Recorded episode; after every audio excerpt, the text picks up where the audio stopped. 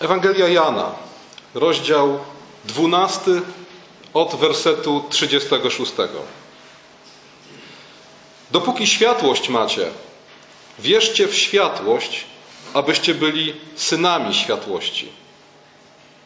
To powiedział Jezus i odszedł i ukrył się przed nimi. Chociaż jednak uczynił przed nimi tak wielkie znaki, nie uwierzyli w niego, aby się spełniło słowo proroka Izajasza, który rzekł: Panie, któż uwierzył naszemu głosowi? A ramię pańskie komu, się, komu zostało objawione?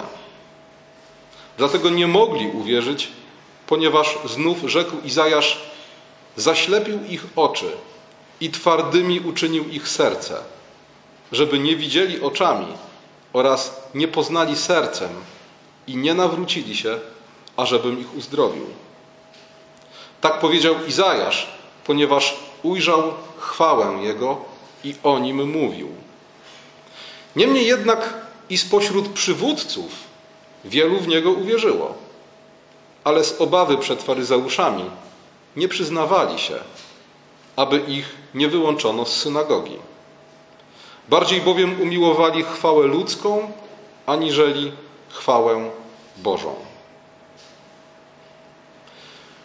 Fragment, który usłyszeliśmy, w pewnym sensie zamyka i podsumowuje publiczną działalność Jezusa.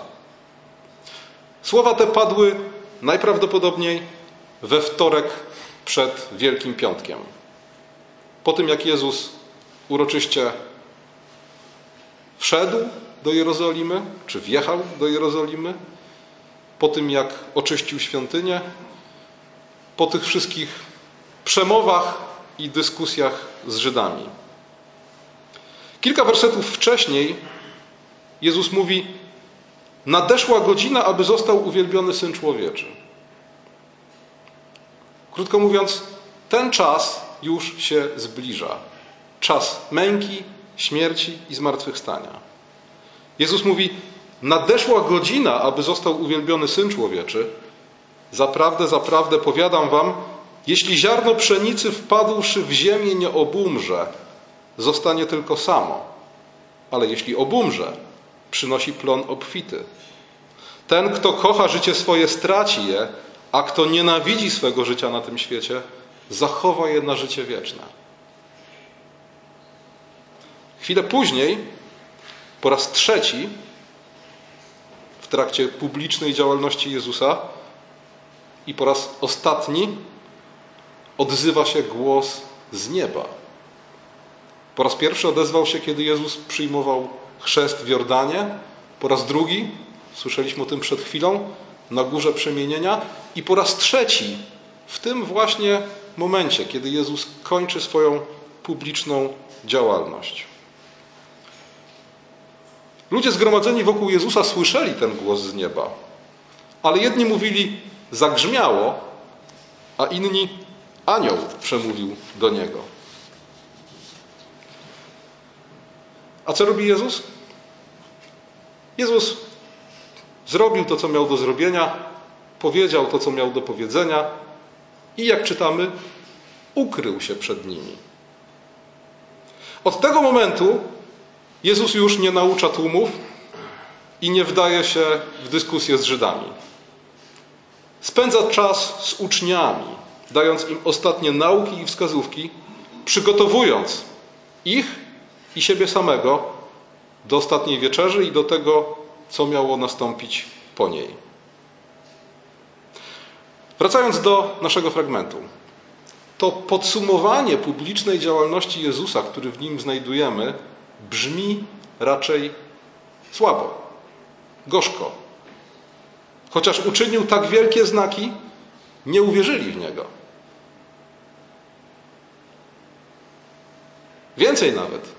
Byli tacy, którzy uwierzyli, nawet pośród przywódców, którzy dali się przekonać, że Jezus jest tym, za kogo się udaje. Ale nie przyznawali się do swojej wiary. Bali się, że kiedy się do niej przyznają, wyłączą ich z synagogi, utracą swoją pozycję. A ewangelista mówi: umiłowali bardziej chwałę ludzką, aniżeli chwałę Bożą. Nie wygląda to dobrze. Olbrzymia większość nie wierzy. Ci, którzy dali się przekonać, okazują się koniunkturalistami i głupcami, a kiedy odzywa się głos z nieba, ludzie mówią grzmi. A przecież przez trzy lata Jezus zrobił wszystko, aby uwierzyli. Objawił Ojca, objawił siebie. W Ewangelii Jana siedem razy Jezus mówi: Ja jestem. Te stwierdzenia ja jestem, one są mocne.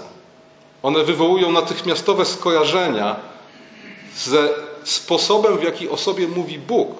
W Księdze Wyjścia, w trzecim rozdziale, czternastym wersecie, kiedy przedstawia się jako jestem, albo jestem, który jestem. Więc kiedy Jezus mówi o sobie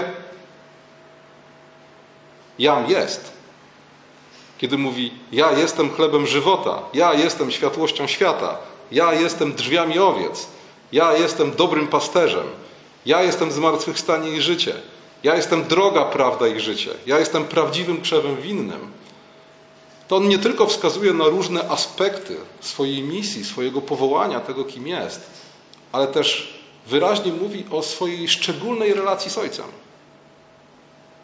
W tych siedmiu ja jestem Jezus objawia to, kim naprawdę jest. Jest chlebem życia dla tych, którzy są głodni, światłością dla tych, którzy chodzą w ciemności, dla wszystkich drogą, prawdą i życiem, krzewem winnym, w którym jeśli trwamy, będziemy żyć i przynosić owoc, ale jeśli w nim nie trwamy, czeka nas śmierć.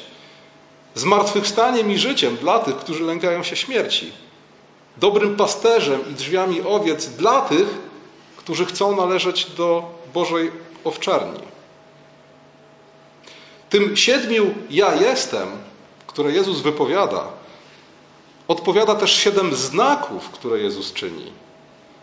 Przemienia wodę w wino, uzdrawia na odległość syna dworzanina z Kafarnaum, uzdrawia chorego przy sadawce Betesda, człowieka, który był chory od zawsze, przez wiele lat. Karmi w cudowny sposób pięć tysięcy ludzi kilkoma bochenkami chleba. Chodzi po wodzie, uzdrawia niewidomego od urodzenia i wskrzesza łazarza. Pokazuje w ten sposób, że jest Panem przyrody, że jest tym, który naprawdę może nas nakarmić, że to nie Mojżesz dał ludziom chleb z nieba, ale On, Jezus, da prawdziwy chleb z nieba. Że nie ma takiej ciemności, której nie może rozproszyć, że nawet jeśli ktoś jest niewidomy od urodzenia, za sprawą Jezusa może widzieć. Że śmierć nie ma nad nim władzy, a czas i przestrzeń nie mają dla niego ograniczeń ani tajemnic. I słuchajcie, to, że w Ewangelii Jana jest siedem znaków, to też nie jest przypadek. Znaki w Ewangelii to nie są po prostu przejawy mocy. Tu nie chodzi o to, żebyśmy zrozumieli, że Jezus potrafi robić rzeczy, których inni nie potrafią. Nie. Znak wskazuje na coś. Znak pokazuje nam, kim jest Jezus Chrystus. Zresztą, znak w Piśmie Świętym to nie zawsze cud. Aniołowie do pasterzy w dniu Narodzenia Pańskiego mówią: To będzie dla Was znakiem. Znajdziecie dzieciątko owinięte w pieluszki i położone w żłobie. A zatem Jezus, czyniąc znaki, nie tyle popisywał się swoją mocą, co raczej przedstawiał się. Przedstawiał listy uwierzytelniające, które wyraźny sposób miały nam powiedzieć, kim On jest. Jezus, czyniąc znaki, czynił dokładnie to, co powinien był czynić Mesjasz, abyśmy mogli go rozpoznać. Czynił dokładnie to, co winien był czynić Mesjasz, zgodnie z tym, co zapowiadali prorocy. W tym kontekście powinniśmy też odczytywać odpowiedź, jaką Jezus daje uczniom Jana. Kiedy Jan przysyła do niego swoich uczniów, mówiąc: czy Ty jesteś tym, na którego czekamy, czy też mamy czekać dalej? Jezus mówi: Idźcie i oznajmijcie Janowi, co widzieliście.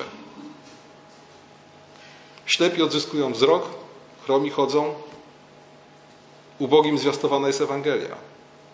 A zatem Jezus przyszedł na ziemię, przedstawił swoje listy uwierzytelniające. Moglibyśmy nawet powiedzieć, podał hasło, po którym miał zostać rozpoznany. A jednak nie uwierzyli. A ci, którzy uwierzyli, w sensie, którzy dali się przekonać, że Jezus jest tym, kim jest, uznali to za tyle nieistotne, że z obawy przed wyłączeniem z synagogi woleli się do tego nie przyznawać. Co to znaczy? Czy to znaczy, że misja Jezusa zakończyła się niepowodzeniem? Jeszcze nie.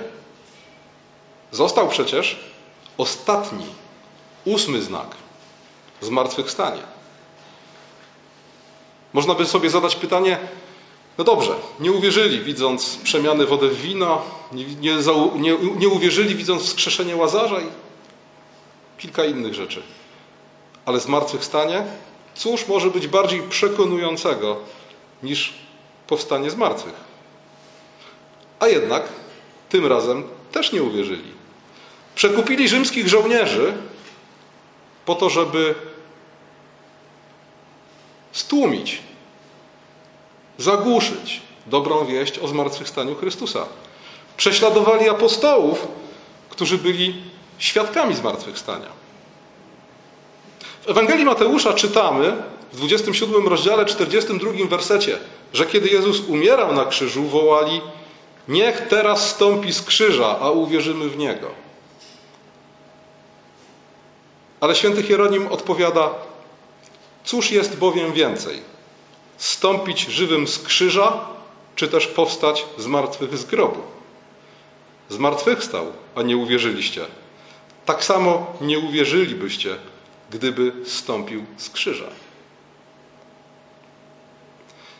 A więc okazuje się, że ten ósmy znak też jakoś nie zadziałał. Więc znowu pojawia się pytanie, czy Jezus poniósł klęskę? Nie. Nie z co najmniej dwóch powodów. Po pierwsze, ewangelista Jan, kiedy mówi o tej zadziwiającej niewierze Żydów, mówi wyraźnie: To, co się stało, nie stało się przypadkiem. To, co się stało, stało się po to, aby się spełniło pismo. Konkretnie po to, aby spełniło się proroctwo Izajasza. Tak, w Bożej opatrzności niewiara Żydów ma swoje miejsce w historii zbawienia. A apostoł Paweł mówi nam nawet, że z powodu ich niewiary, że ta ich niewiara, choć jest zła, choć jest nie do usprawiedliwienia, to jednak w Bożej opatrzności jest narzędziem, za pomocą którego Ewangelia dotarła do wszystkich krańców ziemi. Apostoł Paweł mówi: Ich upadek jest bogactwem świata. Bo tak to w Bożej opatrzności zostało urządzone, że niewiara Żydów pociągnęła za sobą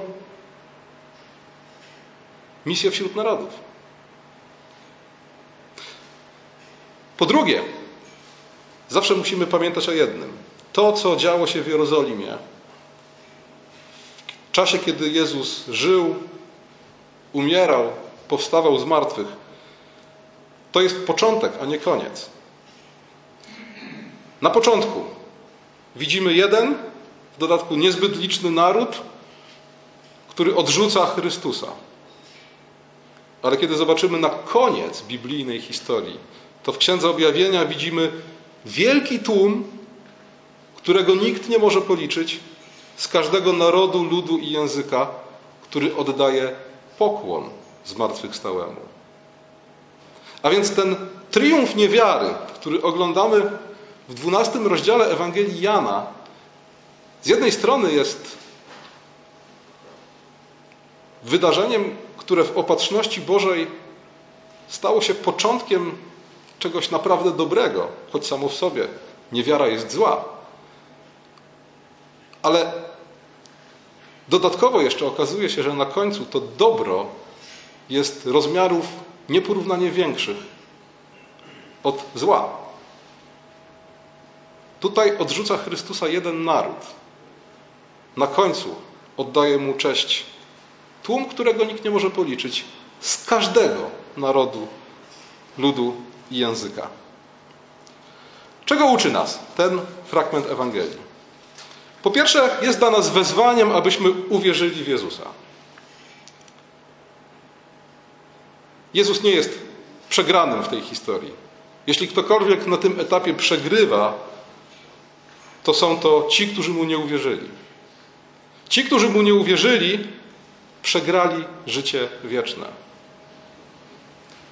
Utracili przy tej okazji to, z czego byli dumni. Mówili, jesteśmy potomstwem Abrahama. Ale Jezus w ósmym rozdziale Ewangelii Jana mówi, nie wmawiajcie sobie, Abrahama mamy za ojca. Bo Bóg z tych kamieni może wzbudzić potomstwo Abrahamowe. Jeśli chcecie być dziećmi Abrahama, okazujcie wiarę Abrahama. Zaufajcie Bogu. Jeśli wy odrzucacie Boga, który do was przychodzi, dziećmi Abrahama nie jesteście. Największymi przegranymi są jednak ci, którzy dali się przekonać, że Jezus jest Mesjaszem. To, co mówił i znaki, które czynił, przekonały ich, tak, to jest ten. Ale bojąc się o utratę swojej pozycji, nie przyznawali się do tej wiary. To właśnie o nich Jezus mówi chwilkę wcześniej, ten, kto kocha swoje życie, straci je, a kto nienawidzi swego życia na tym świecie, zachowa je na życie wieczne. Słuchajcie, jeśli cokolwiek innego jest w moim życiu ważniejsze niż Chrystus, jeśli nie przyznaję się do Chrystusa, bo chcę zachować władzę, pieniądze, pozycję, dobrą opinię wśród znajomych, cokolwiek, jestem głupcem, narażam, na, narażam się na utratę tego, co wieczne, chroniąc to, co trwa tylko przez chwilę. Bo pieniądze, pozycja, władza czy dobra opinia trwa tylko przez chwilę, bo jak przypomina nam wielokrotnie Pismo Święte, jedynie chwilę trwa nasze życie tutaj na ziemi. A więc uwierz w Jezusa i nie wstydź się wiary w Jezusa. Pamiętaj, że kto kocha swoje życie na ziemi, ten nie utraci ale kto Chrystusa wybiera, ten zachowuje swoje życie na życie wieczne. Dalej, jeśli uwierzyłeś w Chrystusa, buduj swoją wiarę na Słowie Bożym. Apostoł Paweł w pierwszym liście do Koryntian mówi o dwóch niewłaściwych postawach. Mówi, Grecy szukają mądrości, Żydzi domagają się znaków, ale my głosimy Jezusa Chrystusa ukrzyżowanego, który jest głupstwem dla tych, którzy szukają mądrości i zgorszeniem dla tych, którzy szukają mocy.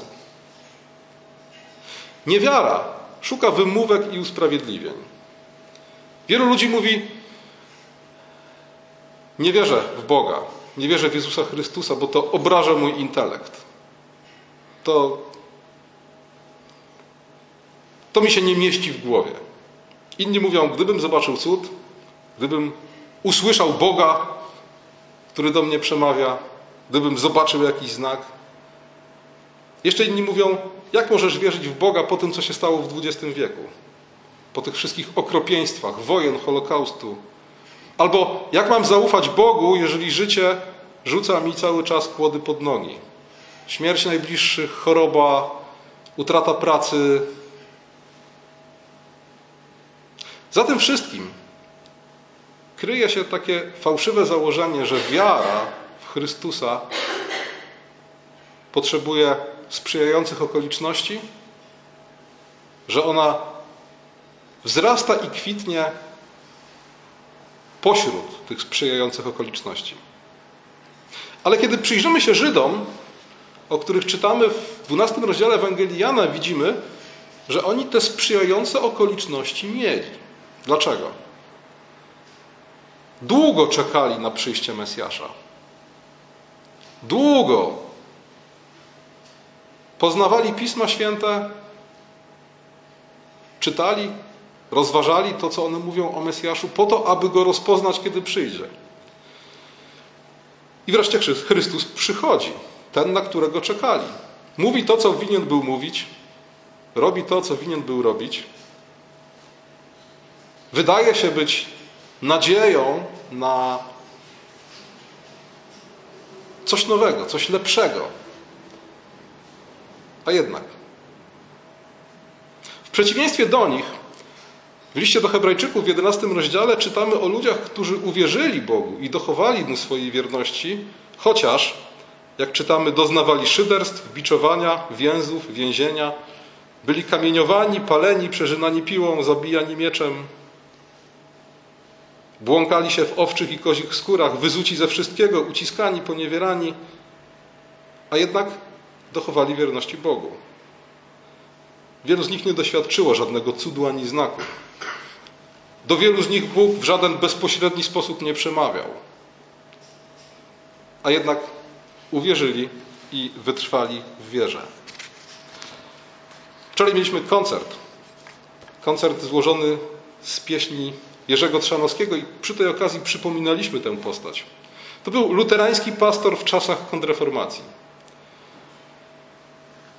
Co to znaczy być luterańskim pastorem w czasach kontrreformacji na terenach rządzonych przez Habsburgów? No, to oznacza, że był wielokrotnie prześladowany, wypędzany z domu, że się tułał, ukrywał, zmieniał miejsce zamieszkania. Do tego jeszcze wszystko działo się w trudnych czasach wojen, bezprawia. Kiedy jego sytuacja nieco się ustabilizowała, osiadł jako pastor na parafii. Przyszła zaraza, w wyniku której zmarło większość jego parafian i w zasadzie cała jego rodzina.